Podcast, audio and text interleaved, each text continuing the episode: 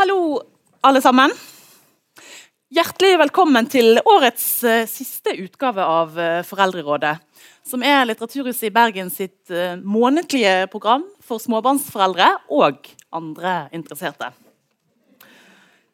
Varmt velkommen også til dagens gjester, Malin Bring og Olaug Nilsen. I mars 1993 blir gutten Pelle født, et fullbårent barn på 3600 gram, på Malmö sykehus i Sverige. Fem dager etter fødselen blir det likevel klart at ikke alt er som det skal. 14 år seinere, i oktober 2007, kommer vesle Daniel til verden på Odda sykehus. Daniel, det vakre barnet, lys, blåøyd og med bolleskinn. Det første barnebarnet på begge sider, som det står i romanen. På hver sin kant har Olaug og Malin gitt stemme til fortellingen om det å få et barn med spesielle behov. Malin har laget to radiodokumentarer om sønnen Pelle. 'Den gladeste jeg kjenner' og oppfølgeren 'Den gladeste jeg kjenner flytter hjemmefra'. I den siste har Pelle blitt 24 år. Foreldrene har skilt seg, og mor og sønn bor i Sverige etter mange år i Danmark. I dokumentaren ser Malin tilbake på årene som har gått. Dokumentaren tar opp Tema som svik og ansvar, foreldrekjærlighet og utmattelse, uforsonlighet og forsonlighet. Og dette er temaet som også gir gjenklang når man leser romanen 'Tung tids tale' av Olaug. For en knapp uke siden ble den skjønnlitterære fortellingen om Daniel hedret med Brageprisen. Juryen kalte 'Tung tids tale' et rørende brev til en elsket sønn, en fortvilet rapport fra en utmattende hverdag, og et virkningsfullt kampskrift mot diagnosesamfunn og rigid byråkrati. Dette er ingen heltehistorie, så står det bakpå boken din, Olaug. Og det er kanskje også et fellestrekk for den ærlige og konfronterende måten dere begge skildrer egne erfaringer på. I løpet av den neste timen skal vi komme inn på temaer som sorg, omsorg, skam, parforhold, søsken og velferdsstaten. Eh, vi skal begynne med å høre et lite utdrag fra den første dokumentaren som Malin laget.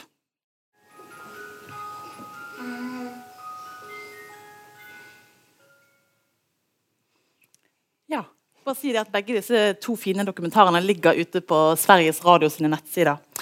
Uh, her er vi altså tilbake til uh, 1993, og du får en plutselig beskjed om at ting er som ikke det skal. Hva, kan du si noe om hva du husker fra den tiden? Altså, det var jo um, Det tok lang tid innan, vi fikk et uh, slutgilt Eller det gikk fire måneder innan de, de kunne gjøre en CT-skanning av hans hjerne og se at det saknades store deler av hjernen. Fram til dess, even om hans hode ikke vokste, så kunne vi kanskje intale oss selv at det nok kanskje enda skulle bli ok. Um, så de där fyra månaderna var ju väldigt... Alltså, man, man kastades mellan hopp och förtvivlan hela tiden. Jag, lyssn, jag, jag var oroligere medan pappan var mer så här, nej, nej, nej, det är inget fel på, det är inget fel på vårt barn. Men svangerskapet hade forløpt normalt? Ja, ja, ja. Oh, ja, oh, ja. Mm. Uh, men du sier jo også det att det har varit at sorg, å snakke om sorgen. Det var som om Pelle var død. Den som jeg kjente som Pelle, var død. Som et tomt skall uten verde.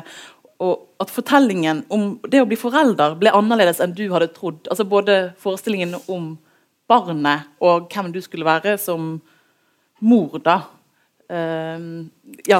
jeg, jeg, tror at, at, jeg, at jeg kjente så når vi hadde fått de her, liksom det her beskedet om at det var virkelig så her ille då kändes det som, som, att alla de här känslorna som jag kände, det hade jag ju känt för fel barn. Det, det här barnet var ju någonting, no, någonting annat.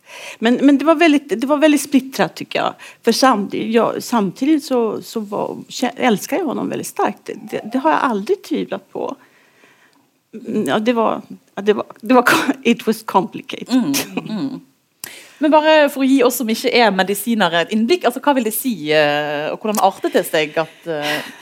Alltså det, det, det heter mikrocefali som han har det betyder bara liten hjärna. Och det säger ingenting om hur personen utvecklar sig. Det, kan vara, det, det är så olika, hjärnan är så, det, den, är, den är så mystisk, vi vet så lite. Så det var ingen som visste, man visste inte alls hur han skulle skulle han lära sig att gå, skulle han lära sig att prata? Det, det, det, det fick man hela tiden bara, vi har bara fått se hur det, hur det har gått.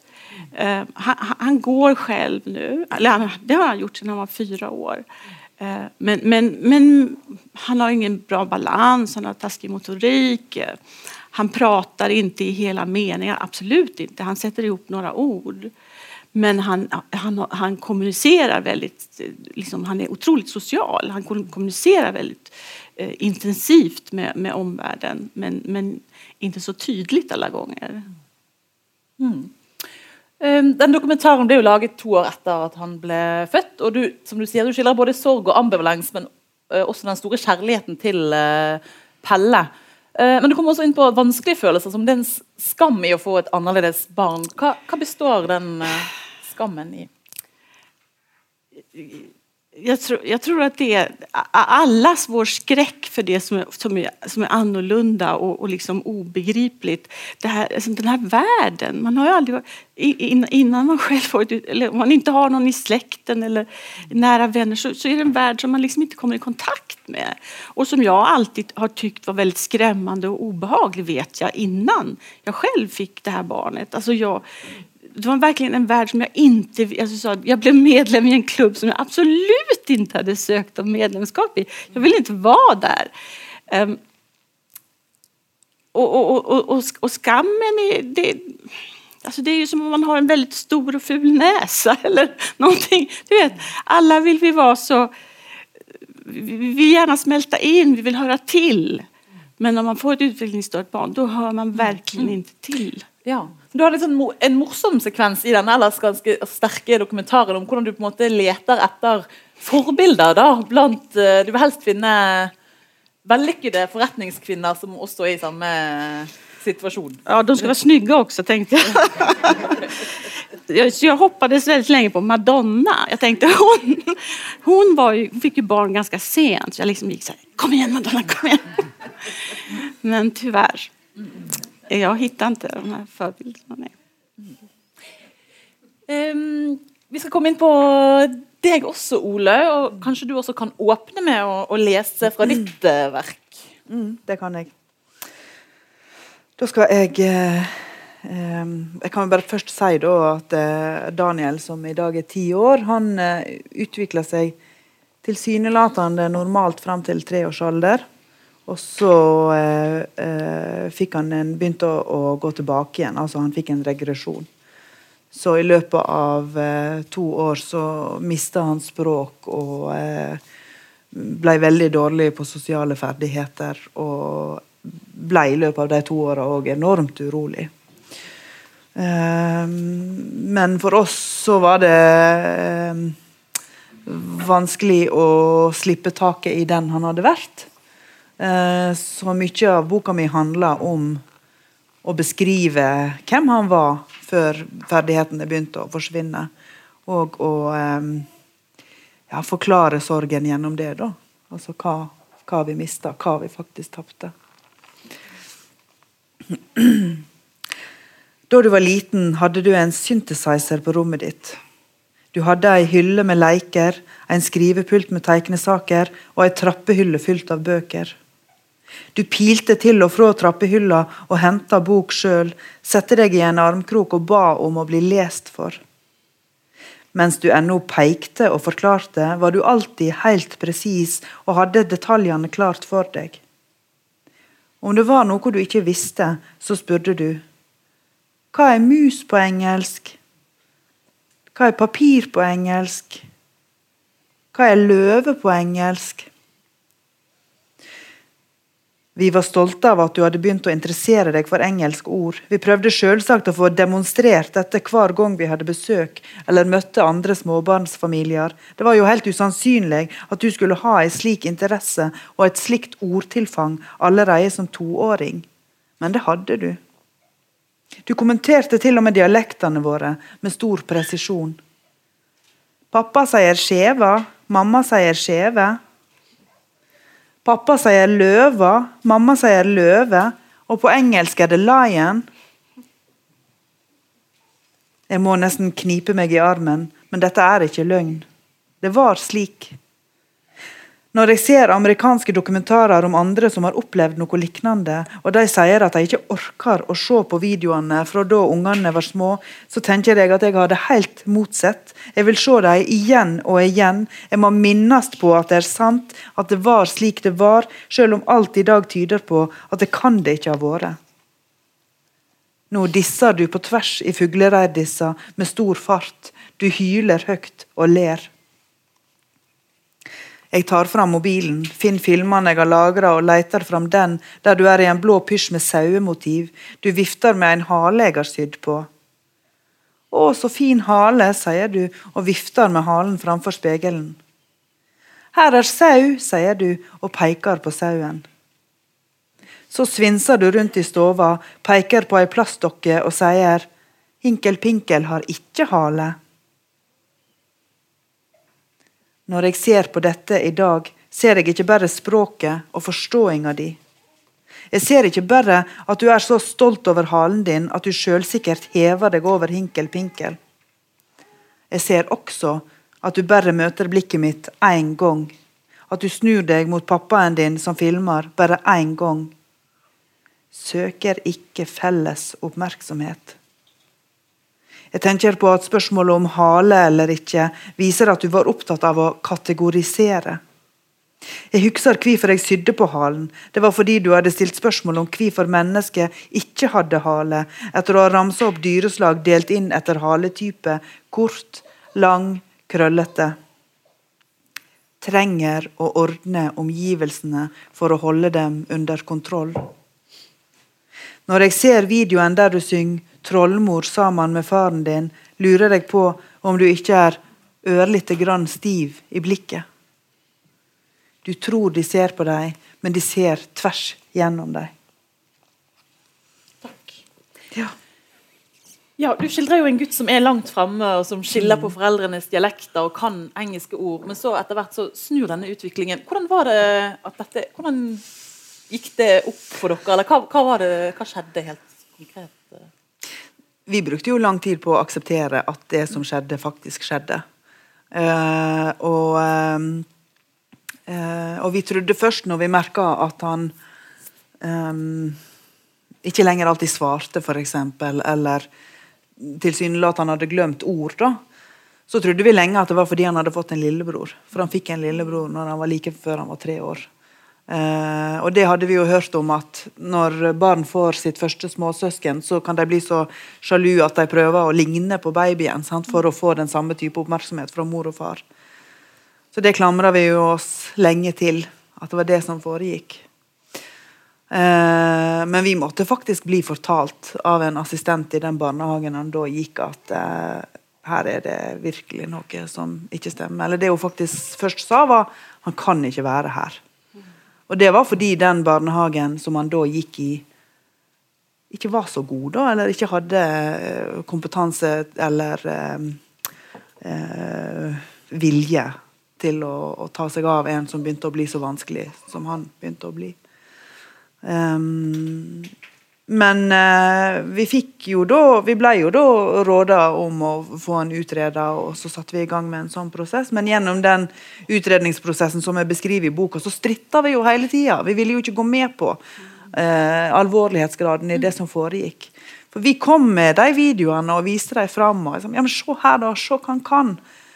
Eh, men vi hadde jo ikke ennå begynt å si 'se hva han kunne'. Mm. Fordi vi trodde at det var midlertidig. Vi trodde at eh, han skulle komme tilbake igjen til det nivået som han hadde hatt. Så det var først etter eh, et par år, når vi hadde måttet akseptere at, han, at det ble satt diagnose på han, altså autismediagnose um, Det var først etter et par år, når vi så videoene igjen og så at det, forskjellen var milevis. Vi, milevis. For da hadde han jo nesten ikke språk igjen. Det var bare hyl og, eh, og, eh, enormt masse uro. Han sov nesten ikke i, i en lang periode. Og, eh, og rensligheten, som hadde vært ganske bra for, for hans alder, var ikke bra i det hele tatt. Så han putta alt i munnen. Tygde på alt. Altså, sku, altså, det er jo en sånn slags utforskning gjennom, eh, gjennom å smake på ting og kjenne på ting med munnen, som babyer jo har. Men som han ikke, hadde, en periode ikke hadde hatt, men som òg var en sånn del av, av eh, tilbakegangen. Og han mista all følelse av fare og eh, altså, ja, Han sprang i alle retninger. Og når det da Det er jo en sånn derre Foreldre til vanlige barn kan jo se på, barnet, på bilder av barnet fra to år siden og si oi, så langt han, hvor lang han har blitt, oi, hvor stor han har blitt, se hvor liten han var der. Og for oss å se de videoene igjen på et tidspunkt der det hadde gått så lang tid, og der tilbakegangen hadde vært så massiv, så ble det jo enda tydeligere for oss Oi, hva er det som har skjedd? Eh, mens i den utredningsfasen så opplevde vi jo at vi ikke helt ble trudd på at det tidligere hadde vært bedre. sånn at det der med tilbakegangen var ikke en viktig del av det de tok, tok for seg. Eh, men da satte jo vi i gang og virkelig ville ha mer Altså mer eh, At det skulle bli forstått, da, at det var faktisk dette som hadde skjedd. At han hadde gått tilbake igjen.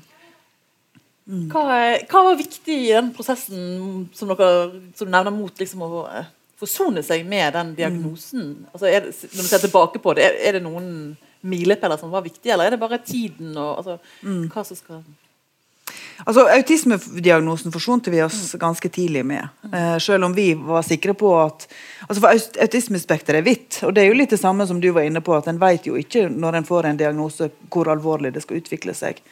Eh, og innenfor autismespekteret så er det jo altså fra mild Asperger til tung, tung autisme. Det er jo et enormt spenn og mm. veldig ulike eh, former. Så, altså, eh, personer som har Asperger, er jo ofte mm. superintelligente. ikke sant? Mm. Altså, det, det, er ikke nødvendigvis en kognitiv eh, altså Det er ikke nødvendigvis en kognitiv forstyrrelse. altså Det kan være eh, ja, det kan, det kan, gå mest på det sosiale. Eller, mm. altså det, altså, ja. Ja. Men, men, vi trodde jo da, i og med at han hadde hatt så gode ferdigheter, at han skulle få en mild autismediagnose. Men han fikk infantil autisme med en gang, som er en alvorlig diagnose. Eh, men når det senere, altså i løpet av de åra som gikk, så fikk vi jo flere ganger ble oppfordra om at vi skulle sette psykisk utviklingshemming i tillegg. Men det vegra vi oss for. Mm. Lenge. Nettopp fordi Eh, han hadde vist et eh, kognitivt nivå som vi ikke klarte å, å, å, å, eh, få til å passe med mm. utviklingshemming. Mm. Mm. Hvor er Daniel i ti år i dag? Hvor er han i dag, både når det gjelder altså, interesser og, men òg sånn, ja, behov mm. for omsorg? Han er jeg kan jo begynne å si litt om hva som har blitt bedre. da. med hjelp av både rett til retteleggjing og medisinering så er han hva skal jeg si, noe roligere. Eh, han sover bedre. Eh, og eh, er gladere, tryggere. Eh, men han er fremdeles enormt urolig. Eh, ja, men en ting til som er bedre. Han har fått bedre, bedre forståelse av hva som er trygt og hva som ikke er trygt. Enda ikke Uh, enda må vi passe på at han ikke springer ut i veien, for han har aldri, altså det skjønner han ikke. at Biler er farlige. Men han, han skjønner f.eks. at han ikke kan hoppe utfor høye kanter, og, og eh, at han må, må ikke springe på, på, eh, på, kanten av et stup, f.eks. Så det er, blitt, det, det er bedre. eh, og han er ikke fullt så masse at han putter ting i munnen når han er ute overalt. Så han har vel erfart at noen ting ikke smaker så godt. Men det er fremdeles sånn at hvis ikke vi har låst døra til badet, så står han der inne og eter tannkrem og sjampo, så, så, vi må passe på det. Det er lov å le av det, altså, for det er ikke så farlig å ete tannkrem og sjampo. Har han noe språk? Han har litt språk. Han, har, eh, han, ville, han lærer seg eh, altså, Vi fant ut at han hadde lett for å kopiere sangstrofer. At han lærte mer gjennom å bruke musikk. sånn at han eh, det har vi prøvd å gjøre litt systematisk, sånn at han kan, han kan kommunisere litt språklig gjennom strofer som han har lært gjennom musikk. Um, og han har blitt flinkere også til å ta handa vår og liksom 'Nå skal du ta det glasset til meg, så jeg får drikke.' sant? Altså, um, og blitt uh, Altså, det, det, er en del sånne treningsting som vi gjør, som har en viss effekt og en viss framgang. Mm. Men han er fremdeles enormt urolig, og han har lett for altså Hvis verden går han imot, så, kan, så Det er fremdeles en del selvskading og utagering. Og, eh, eh, og eh, veldig masse lyd. Veldig masse høye lyder. Og urolig, det vil si altså når, når en hører uttrykket at en unge svinger seg i taklampa For Daniels del så er det helt bokstavelig. Altså. Så vi har eh, skrudd ned sånne taklamper som har snor, og så har vi bare sånne hva heter det, plafonder eller noe sånt. Sånne, helt, ja. For det er, det er altså eh, det er klatring, det er springing i sofa, og gardiner har vi heller ikke. For det, at, eh, det er liksom som en katt altså oppover. Um, så han, han springer rundt masse, lager masse lyd må, han må jo passes på hele tida. Uh, og han bruker fremdeles bleier, selv om det er en viss det, det, er litt bedre, det òg. Så det, ja. det, var veldig detaljert. jo, jeg kjenner at jeg trenger liksom å forsvare òg. Altså, jeg har lyst til å si det bra. Mm. Jeg har lyst til å si det gode. Ja, Absolutt. Mm. Men si litt også om altså Pelle. Vi skal snakke litt mer om at han, han er jo 24 år og har flyttet hjemmefra. Men hvor, si litt om hvordan han er som gutt. Uh, han eh, Alltså han, har, han, han, kan ganske mye ord, mm. eh, men han kan ikke sette ihop det. Så att, och, att, och, men han prater ikke så tydligt. Och Speciellt när det är ett nytt ord så kan det vara väldigt... Alltså det tar tid för honom att liksom få in... Det finns i dokumentären att han säger taaro säger han. Och jag förstår inte. Taaro, vad är det? Och så liksom håller vi på och han försöker förklara och så, till slut så kan han lista ut att teater, det är mm. teater han försöker säga. Men, alltså, men han, alltså det, det kan ofta vara som en rebus ungefär som han säger. Man får liksom man får liksom lirka och försöka lista ut. Det kan ofta vara väldigt spännande vad det är han säger. Så att han, han har ett språk. Uh, han är inte orolig. Uh, han, ska man säga, han är väldigt social. Han, han, han, han tycker det är jättekul med, med, med, nya människor, speciellt män. Alltså jag, tror inte att han, alltså jag tror inte att det är ett sexuellt intresse, utan han bara, men det är klart han är omgiven av kvinnor, den stackaren. han bodde hjemme hele livet til han nå flyttet på Han flyttade i april. Ja. Ja, ja. Mm. Um, han, han, han, har blöjor fortfarande. Han dreglar väldigt mycket fortfarande och det går liksom inte att göra någonting åt det. Det, eh, det, det, det, rinner liksom. Så här. Mm. Du skriver jo det Olav, i boken at, om utsagnet 'En blir jo mer glad i de barna som er annerledes eller annerledes', og det eh, provoserer deg. Eh, hvorfor det? Det provoserer ikke meg fordi det ikke er sant, for jeg tror det er sant. Eh, fordi at eh, når en er eh, Altså, en får jo et sterkere bånd til et barn som en er nødt til å ta seg så kraftig av og beskytte i så stor grad. Men jeg skriver i boka om hvor vanskelig det er å finne et språk for det som er vanskelig, og for det som er krevende. Og jeg skriver om hvordan jeg, da, eller Olaug i boka, prøver å få sagt alt det som er vanskelig. Sant? Både til venner og naboer, omgivelser og til hjelpeapparatet. Men opplever at det ikke helt blir hørt. At det er veldig lett for å liksom, nei, orker ikke høre det, vi klipper det av. Vekk med det. Vekk med det vanskelige. Og så, ja, men en blir jo mer glad i de barna som er annerledes. Mm. Uh, og at da blir det altså, jeg, jeg, prøver å beskrive det som en måte å bare kutte. Sant? Ikke si det som er vanskelig. Bare snakke om kjærligheten og bare snakke om det varme og nære. Mm. Uh, men uh, Men altså uh, Det provoserer ikke meg. Den utsegna provoserer ikke meg, selv om det er jo det er jo egentlig fæl ting å si òg, for jeg er glad i de to andre barna mine òg. Og det er jo ikke helt riktig å si at jeg er mer glad i Daniel, eller, Daniel enn i deg, men det er en annen type intensitet i det forholdet vi har. Men det kan ikke være det eneste en skal, en skal um, møte alle utfordringene med. Ja, men for, fordi at en kan få en sånn følelse av at uh, kjærligheten skal overvinne alt. Men uh, kjærlighet overvinner ikke utslitthet. Mm. Det har jeg erfart. Altså, det gjør ikke det. Du kan ikke, du kan ikke det, det, er flere sånne utsagn som en bruker med at du klarer mer enn du tror. Og ja, en klarer mer enn en tror, men på et tidspunkt så er det stopp likevel. altså. Mm. Så det er, det er noen sånne uttrykk som, som jeg føler blir um, blir egentlig mer ødeleggende enn støttende. fordi at uh, hvis, en skal, hvis, en skal, tro at en skal klare alt sjøl gjennom en uovervinnelig styrke og kjærlighet, mm. så eh, tar en feil. Ja. Er dette noe du eh, kjenner deg igjen i? Ja, jag tycker, jag, alltså det, det irriterar mig också när man säger åh, de är så glada. Liksom. Ja, så det, det, det, är ju en kliché som, som, som betyder att det här pratar vi inte om. Vi går inte in på någonting närmare, vi säger bara åh, de är så glada.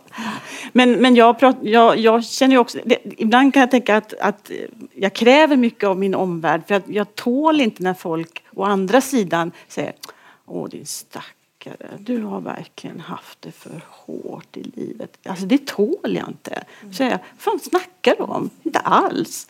Alltså, At de er gjort offer? ja. alltså, och till exempel nu när, när Pelle skulle flytta hemifrån i april så var det någon, fast jag, det är en gubbe som jag retade mig på i förväg, men så sa han Åh vad skönt för dig. Ja men det var väl, det var väl fantastiskt att du äntligen ska få lite egen tid.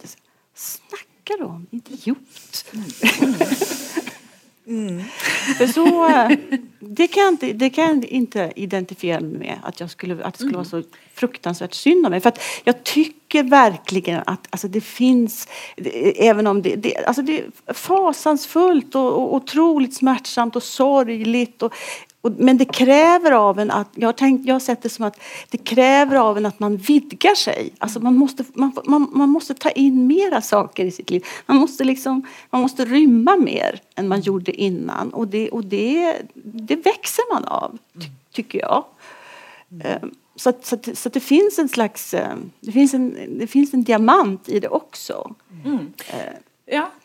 Eh, men Ole, jeg må sitere fra Dagbladet, for der sier du det at eh, du, kom inn i en verden som var så fremmed fra alt du visste fra før. Altså Den offentlige fortellingen om autisme er så annerledes. Den fokuserer på det positive, på genier med Aspergers f.eks. Det er vanskelig å nå frem med den fulle bredden av hvordan det er. eh, av hvordan det er. Det, men det er jo noe som tenker på når, med både dokumentaren og romanen. da, at Den, den rommer jo veldig mye det vanske, altså samlivsbrudd og sen abort og, altså, Der kommer på en måte alt fram. Altså, er det noe som har vært viktig for dere når dere skulle fortelle om egen erfaring med, med dette? At man ikke skulle liksom ha noe solskinnshistorie? Jag, jag, jag, har, jag har alltid skrivit mycket dagbok så det här, det här kommer mycket från mina dagboksanteckningar och, då, och i sina dagböcker så är det väl ofta så att där har man ingen, ingen behov av att försköna utan där vill man liksom bearbeta och avreagera sig. Så där beskriver, eller åtminstone det gör jag, och då, då beskriver jag också det som är svårt. Og det tycker jag, det, det är det jag vill berätta också. Mm. Ja, det, det, altså, hvis jeg bare Ja. Ja, jeg, jeg, for meg var det veldig viktig at det skulle ikke være noen ren solskinnshistorie. Det skulle ikke være en heltehistorie, det skulle ikke være en solskinnshistorie. Uh, men jeg ville jo ikke Altså Samtidig var det jo viktig å understreke at kjærligheten er det største, så det som ligger til grunn for alt. Men jeg mener jo at eh, både jeg og andre foreldre vi trenger jo hverandre å speile oss i, og vi trenger ikke bare ei historie. Vi trenger flere ulike reaksjonsmønster. Vi trenger flere ulike historier om hvordan det er, for det er jo ikke likt for alle. Barna er ikke like, foreldrene er ikke like, søsknene er ikke like. Um, og jeg tenker at det å fortelle om hva det er som faktisk er utfordrende, det er viktig av mange grunner. Eh, og først og fremst viktig fordi at hvis ikke vi beskriver akkurat hvordan det er, så får ikke vi rett hjelp. Eh, og det er det aller viktigste for meg. Eh, og det er jo litt sånn også, for at I møte med hjelpeapparatet så får en jo, møter en jo av og til de samme tildekkingsstrategiene som For en må jo tilgi vennene sine for at de ikke klarer å snakke og gå helt inn i dette vonde og vanskelige. Men det er vanskeligere å tilgi hjelpeapparatet når de bruker sånne fraser som at en klarer mer enn en tror, og du må stå i det, og du må Altså, det er tøffere. Det, altså Eh, offentligheten trenger fortellingen om hvor krevende det er, for hvis ikke så klarer ikke velferdssamfunnet å gi den rette hjelpa. Så, ja. Vi må komme inn på det, men, men du ga meg også et stikkord når det gjaldt det der at man kan reagere høyst ulikt. Altså For din, eh, din dokumentar, altså den senere dokumentaren, der går jo du tilbake til Peter, som er faren til Pelle, og sier altså Hvorfor, med, hvorfor forlot du meg? Og det er jo fortellingen om et, et brudd og to høyst ulike måter å, å, å takle situasjonen med Pelle på. Kan du fortelle litt om, eh, om det? Altså, par, altså parforholdet oppi det hele?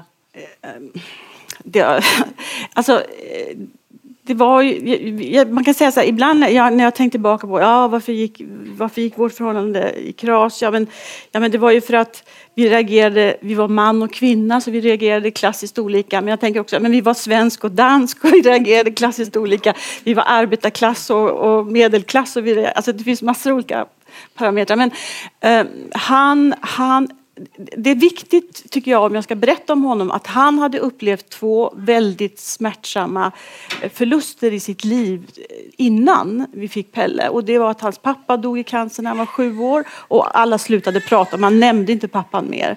Och sen så, hans första flickvän tog livet av sig. Så att när vi fick ett utvecklingsstört barn så hade inte han, han hade inte plats tror jag, till mer. Så han, han, han sköt ifrån sig det längsta. Han sa, det är inget fel på Pelle, vi måste tro på honom, vi måste, han är helt normal. Och sen när vi fick reda på att nej, men han, han har, hjärnan ser ut så här, sa han, ja men de säger ju att man kan utveckla sig väldigt bra ändå. Alltså, det blev som att eh, han, han, han var den positiva.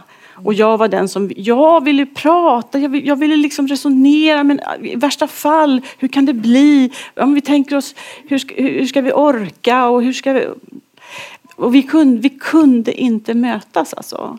Och han, och han säger, och det tycker jag, nu när jag, jag hörde den här dokumentären i morse, då hör jag ju liksom, jag har inte hört den, den, den första, att jag hör att, hon, att han säger att det var som om ditt sätt att, att att eh, hantera det här var det rätta.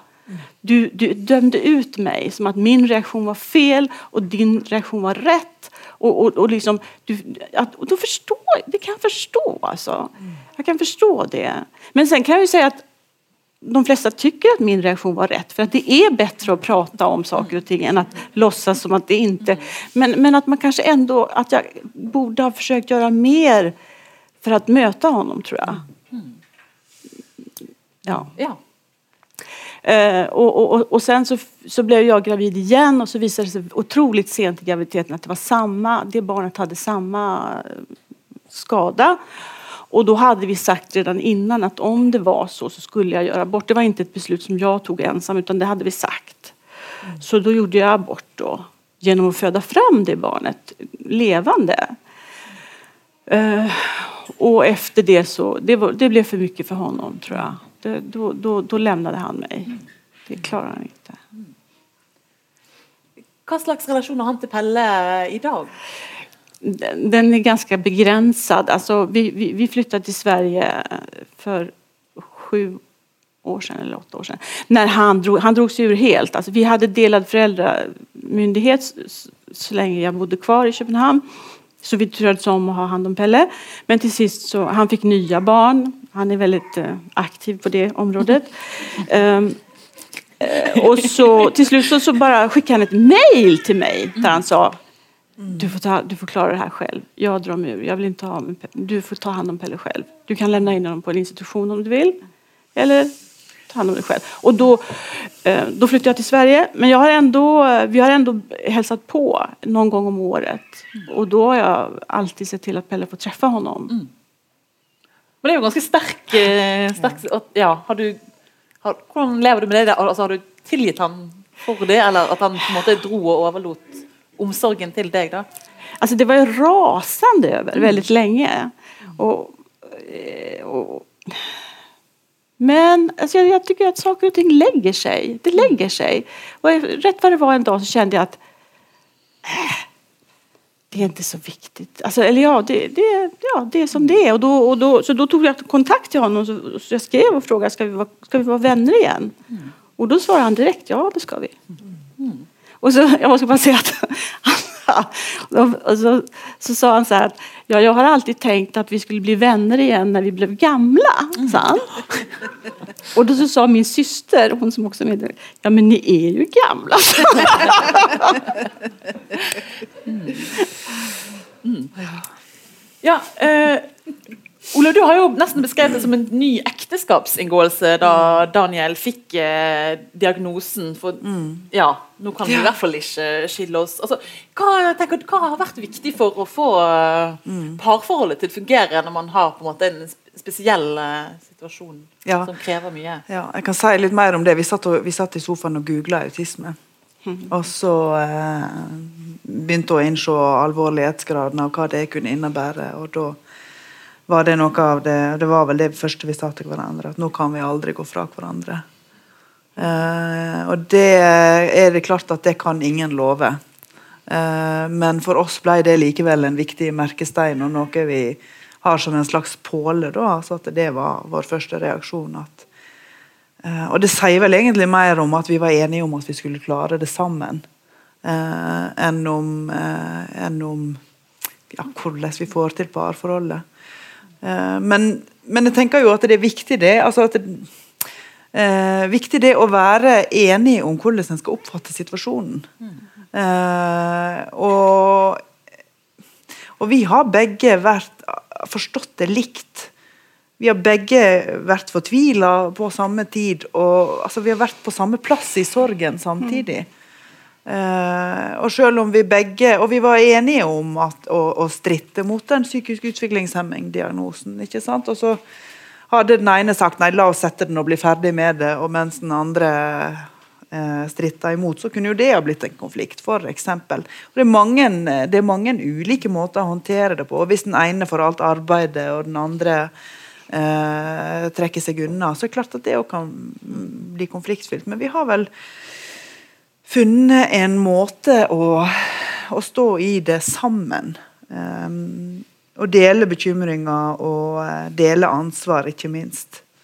Men likevel så er det jo sånn at den som uh, går i kjelleren og blir sykmeldt, det har vært meg. Mm. Uh, og den som har gått ned i stilling, det har vært meg. Um, og den som tar kampene, det har vært meg. Uh, mens han har hatt masse av nær omsorg for Daniel. Uh, jeg tror at en del parforhold, der vil den ene uh, ikke Altså, det kan vel være sånn at mor tror altså mor syns at hun sjøl gjør alt rett, og far får ikke slippe til. Eller det kan være sånn at altså, sånn at eh, den ene parten trekker seg unna og ikke orker omsorgen, fordi omsorgen er jo krevende. Den er vanskelig. Det er vanskelig å stelle et stort barn. Mm. Eh, og det er vanskelig i, vårt tilfelle da, å være utsatt for utagering og å forholde seg til selvskading. Altså, og eh, måtte håndtere masse uro. Det, det skaper jo en sånn der eh, uro og rastløshet i sin, i sin egen kropp. Men, uh, men, nettopp derfor så blir det jo viktig. Altså hvis, hvis, vi på toppen av det hele skulle krangle og være uenige og ha det Ja, Men det er jo lett for, da. ja, det er jo lett for.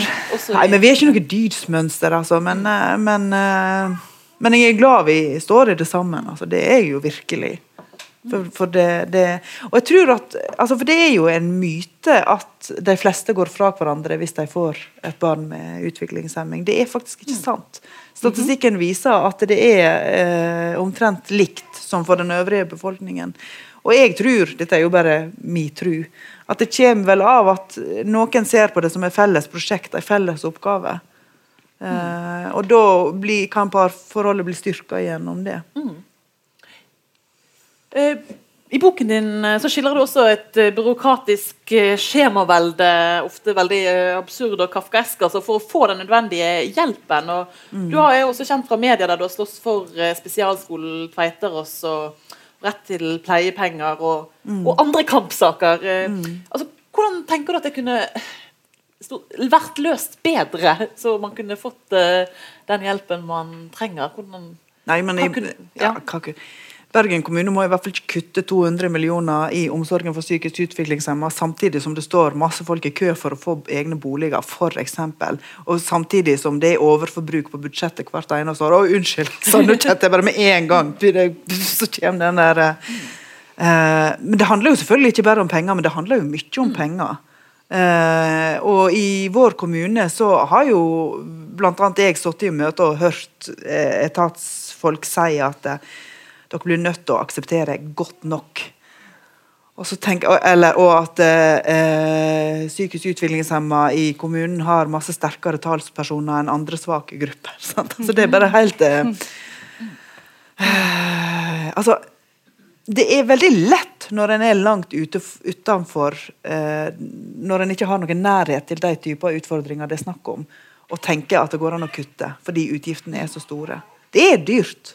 Det er dyr omsorg, og det er vanskelig omsorg. Eh, så, eh, eh, så først og fremst, ikke kutt. Sant? Få vekk de køene. Eh, fordi, fordi den rammefortellinga i boka handler jo om å bli stående og vente.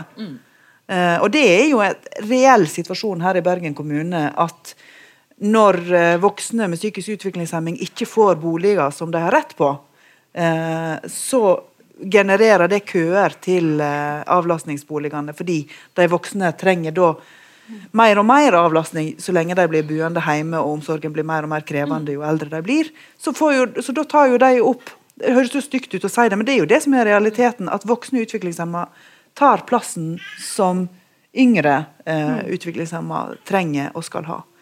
Eh, så det er jo en reell situasjon som er utgangspunktet for rammefortellinga i min bok. Det er ventetid. Det hadde det ikke behøvd å være hvis kommunen hadde klart å løse den boligsituasjonen. Og den boligsituasjonen har vart i 20 år, altså, så det burde jo de ha klart å løse. men det, men, eh, Dyr og vanskelig omsorg. Altså, det, det, det, er jo å, å, å, sørge for at det er bevilga nok penger. Sant? Altså Rett og slett. Og så kan det jo, og Nå snakker de om smart omsorg. Uh, og jeg har lest om smart omsorg, og noen av uh, tiltakene høres fornuftige ut. Men f.eks. å kutte ned på, ehm, eh, på tid eh, mellom, mellom, to vakter fra 30 til 15 minutter. Jeg syns det er et helt idiotisk tiltak. Det kan høres så like til ut, men hvis det har skjedd alvorlige hendelser fra, mellom ei vakt og neste vakt, alvorlige hendelser med eh, personer med utviklingshemming som ikke kan gjøre greie for seg sjøl. Klart du kan, Fort trenger du mer enn 15 minutter både for å rapportere, skrive skademelding og å fortelle det til nestemann. ikke sant? Ja, kanskje jeg ikke skal gå så veldig Men på den andre sida er det klart, og det prøver jeg å få fram i boka, at det er flere sider det er ikke sånn at foreldre alltid oppfører seg eksemplarisk i møte med hjelpeapparatet. Og det har virkelig hjulpet meg. Jeg har, aldri, altså jeg har, gjort mange ting som jeg ikke er stolt av i de samtalene som jeg har hatt med forskjellige eh, personer som jeg har møtt på min vei. For jo slitnere en blir, jo sintere er det lett for at en blir. altså. Og jo, og jo urimeligere. Altså, og når det gjelder det der å ikke akseptere psykisk utviklingshemming som diagnose, for det er òg en rammen i boka at for å få hjelp fra rett instans, så må vi sette den diagnosen. Eller for å få nok hjelp, så må vi sette psykisk utviklingshemming. Og jeg tenker at Det er to sider av den saka. For på den ene sida, ja, hvorfor ikke?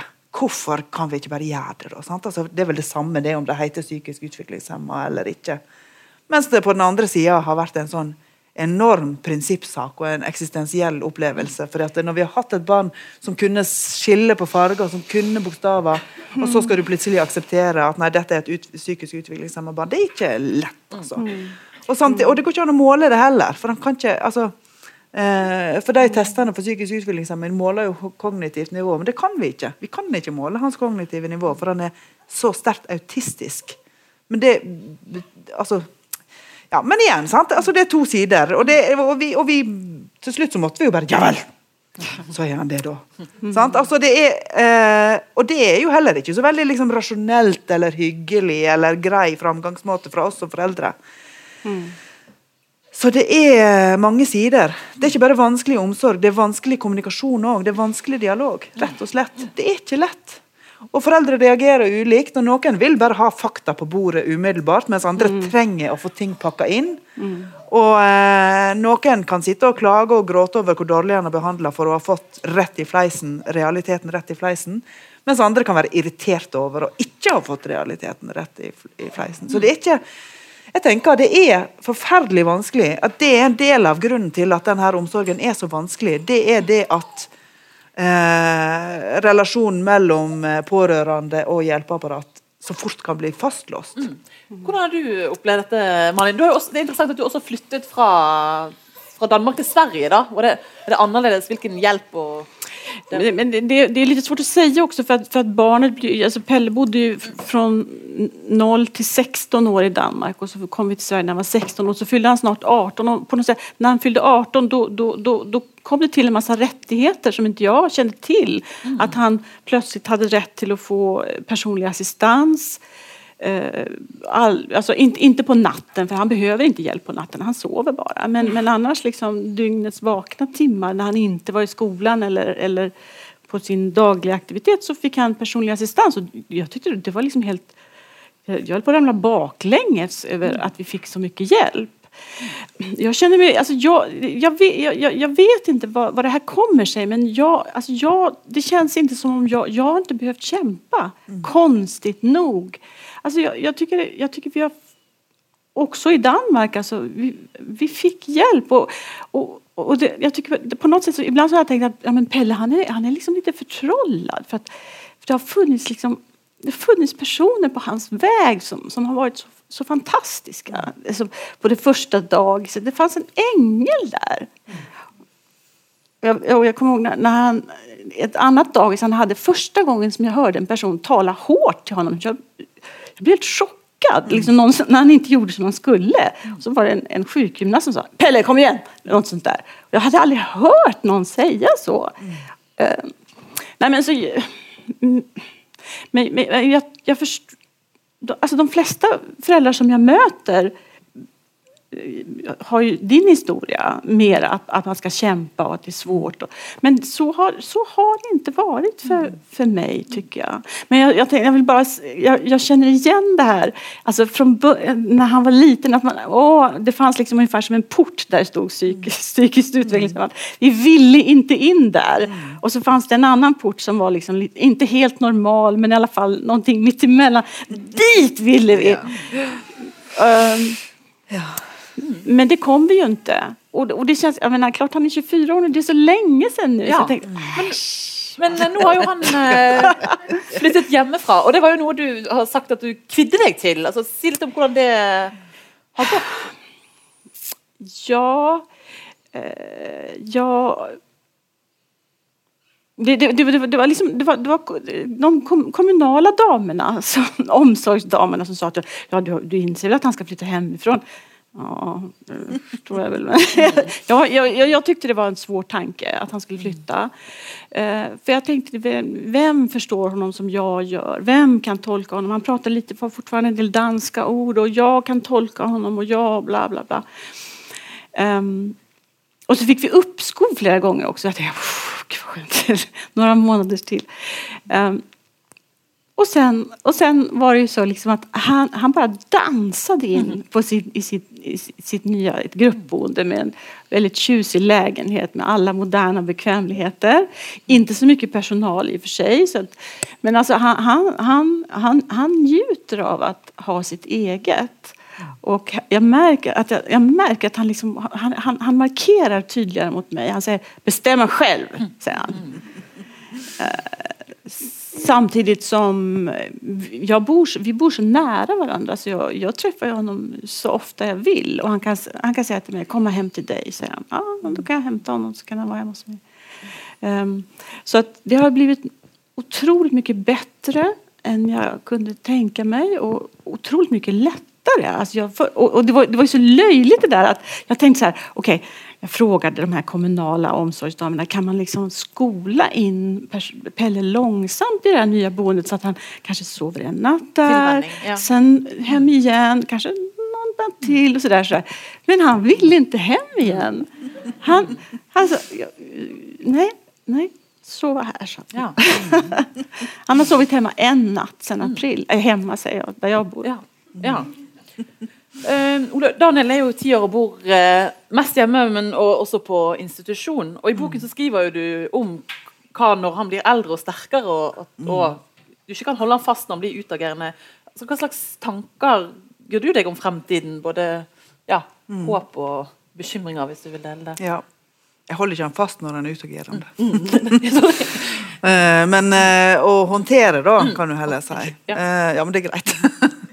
Um, jeg tenker vel at vi At jeg har akseptert at vi trenger den typen hjelp. At det er institusjonshjelp vi trenger. Mm. Um, men jeg tenker vel òg at uh, uh, ting kan endre seg. altså Det kommer jo an på hvordan han utvikler seg, og i hva grad uroen, uh, uroen hans tiltar eller avtar. Mm. og at at vi kommer til å Vi kommer til å trenge ulike typer hjelp framover. Men, eh, men, vi må jo være klar over at han alltid kommer til å trenge hjelp. At han alltid kommer til å trenge assistanse. Enten det er eh, på en institusjon eller med hjelp i heimen hos oss eller i sin egen heim. Jeg tenker vel at eh, det er en prosess og en, en sorgprosess å innse at vi ikke klarer omsorgen alene. Men at jeg er på andre sida av den sorgprosessen. sånn at nå vet jeg at sånn er det, og det er greit. Mm. For det, det, reduserer ikke kjærligheten mellom oss. Uh, derimot så mm. får vi større anledning til å faktisk ja, være glad i hverandre. Ja. For utslitte mødre er ikke så gode mødre. Nei.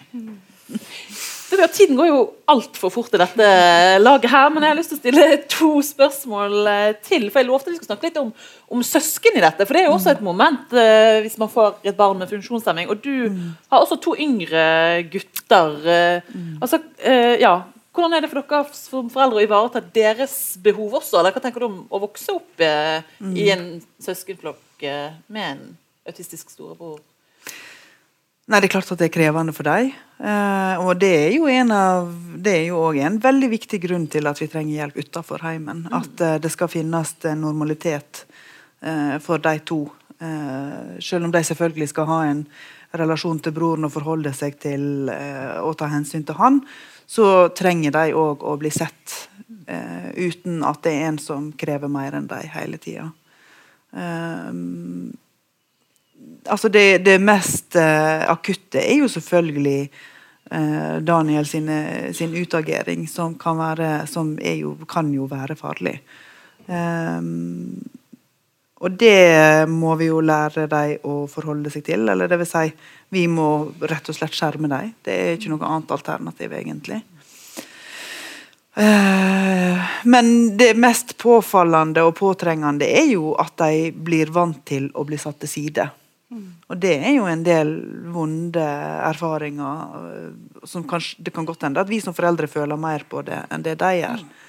Men, uh, men de er jo klar over det, og de kan jo være Altså, de, de, de, uh, de vil jo bli sett. De trenger å bli sett, og det ser vi flere tegn på. Altså. At, det, at det blir for lite av det. Så er det jo òg det der med, med, det lydnivået som er hjemme hos oss, som vi venner oss jo til det. Altså, men, men, det skaper jo en form for utmatting som en ikke kjenner helt før en uh, har fri fra det. Kan på en måte kjenne mm. hvordan liksom, stressnivået senker seg, og at en slapper av på en annen måte. Og det, det gjelder ikke bare oss foreldre, det gjelder jo søsknene òg. Uh, og uh, de er jo redd for, for lekene sine, for de er jo vant med at leker og ting blir ødelagte. Mm. Og um, han på sju låser jo rommet sitt hvis, hvis Daniel er hjemme, uh, men ikke hvis ikke. og det, det, kan jo bli for masse av ja, ja. han har jo autisme, så det må vi, det, han forstår ikke at det han gjør, er feil. Sant? Altså at de kan si sånne ting. Mm. Men de må jo jeg har ikke lyst til å ha at de to skal være selvutslettende heller. Jeg har jo lyst til at de skal bli sterke og tydelige i kraft av seg sjøl, og ikke bare i kraft av å være søsken til eh, en gutt som, er, som har autisme. Vi skal snart åpne for spørsmål eller innspill fra salen. Men uh, Malin, jeg har lyst til å sitere deg fra, fra dokumentaren din. Så sier du et sted jeg skal leve med denne sorgen resten av mitt liv. Han er den vakreste i verden. Den jeg alltid lengter etter. Altså, du skildrer en sånn ambivalens. da. Altså, kjenner, er det fortsatt en sorg, eller hvordan kjennes det i dag? Nej, faktiskt inte. Alltså, den, eller åtminstone så är den väl väldigt inpackad. Alltså, när jag hörde dokumentärerna nu, då, eller när du skickade de här frågorna till mig, mm. då började jag gråta. Alltså, ja. Men egentligen, egentligen inte. Uh, nej. Uh, och jag kan inte säga att jag längtar efter honom hela tiden. um. ja. Mm. Nej, jag, jag, tycker att det har, alltså, jag tycker att det har blivit väldigt bra mm. för oss bägge två. Um, och det, och, och på något sätt um, det, det, är klart att det, att det är otroligt smärtsamt att hans pappa har valt bort honom. Eh, men samtidigt så tycker jag att jag har fått förstå varför han har gjort det. Och att, eh, alltså, det, jag, jag, jag, kan, jag, tycker jag kan förstå hur pappan mm. resonerar. Och det, på något sätt så det, det, är inte så smärtsamt längre. Det är också någonting som man kan, ja ah, okej, okay, mm. så, så är det. Ja. Ja. Ole, du hørte jo disse dokumentarene mm. nå i helgen. Ja. Eh, ja. var det Det er to ulike erfaringer, men det er jo noen møtepunkt her. Hva, hva mm. tenker Nei, du etter å ha hørt uh... Nei, jeg, synes, jeg vil jo virkelig anbefale dere som er her i dag, å faktisk gå inn og høre dem, for det er veldig sterke og, eh, og nære og, og, ærlige dokumentarer som, som gir en innsikt uten, uten å glatte over. Så jeg syns jo det var ja, gode dokumentarer. Og det er jo som jeg sier, at vi, vi, vi, særlig vi som er i de her situasjonene, vi trenger jo hverandre å speile oss i og, og jamføre med. Sant? Altså for å for å forstå sine egne reaksjoner bedre. Så, eh, men òg for andre, at en får et innblikk eh, i en situasjon og et følelsesliv som en kanskje ellers ikke hadde hatt tilgang til. Og det ligger vel på sida til, eh, altså til Foreldrerådet, så det er lett å finne dem og klikke på dem. Mm, Veldig gode. Ja, Eller på Sveriges uh, Radio. Mm. Så driver også litt eh, reklame for denne fine boken som dere kan få kjøpe nede i, boksalongen etterpå. Og Olaug har satt seg villig til å skrive en liten hilsen hvis det ønskes. Eh, jeg sier først tusen, tusen takk for at dere kom og delte disse erfaringene på en så god måte. Eh, og så vil vi gjerne høre litt fra salen hvis det er noen som har spørsmål eller eh, tanker etter å ha hørt på Malin og Olaug.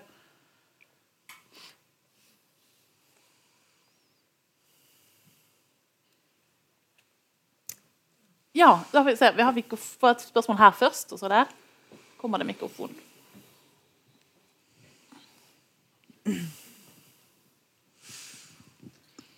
Ja, det er mer en kommentar. Eller først takk for veldig interessant eh, samtale. Eh, jeg har en sånn kjepphest. Jeg tenker at det er utrolig viktig eh, at på seg selv kjenner en ingen andre. at det er likhetstrekk og fellestrekk eh, mellom foreldre som har eh, barn som er annerledes. Men jeg tenker at eh, alle har sin egen historie. Og dere to har deres historie. Og at, den, eh, at man ikke må generalisere. Og så tenker jeg også en annen ting at eh, jeg tror at eh, noen foreldre som har annerledes barn, kanskje kjenner på at de ikke elsker det barnet så mye som friske søsken, f.eks. Og at det er et tabubelagt utsagn å komme med. Men at jeg skulle ønske at man også kunne si det høyt i en eh, sånn debatt. da. At det er også faktisk en mulig opplevelse.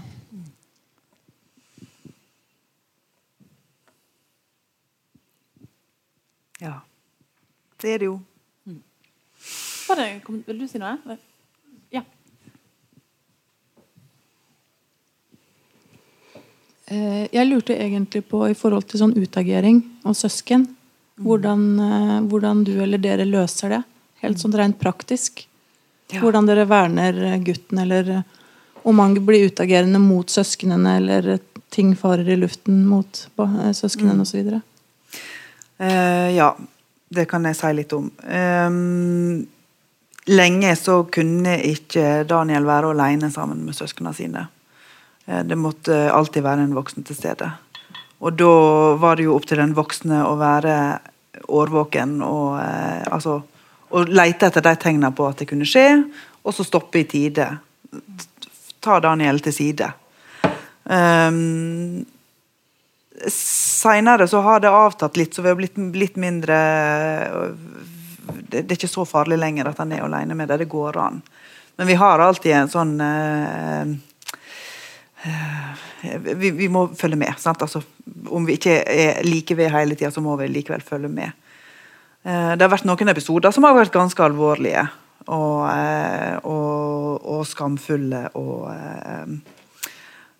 og vanskelige.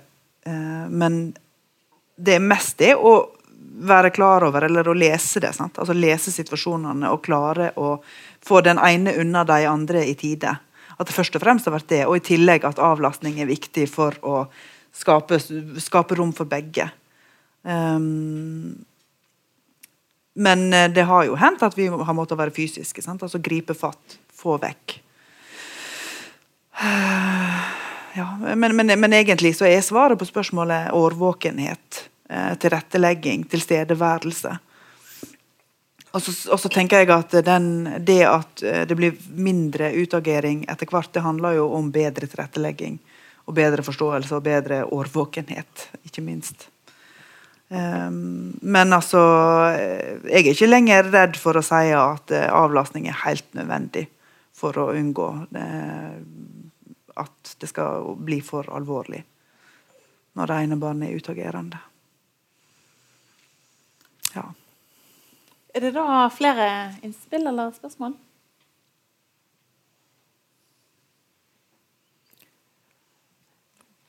Kan minne om at det neste Foreldrerådet blir eh, siste mandagen i januar. og Da skal det forhåpentlig handle om eh, dagens besteforeldre. Mm. Så eh, hvis ikke noen da har flere kommentarer, så sier jeg tusen takk eh, til Olaug og Malin og til publikum. Mm.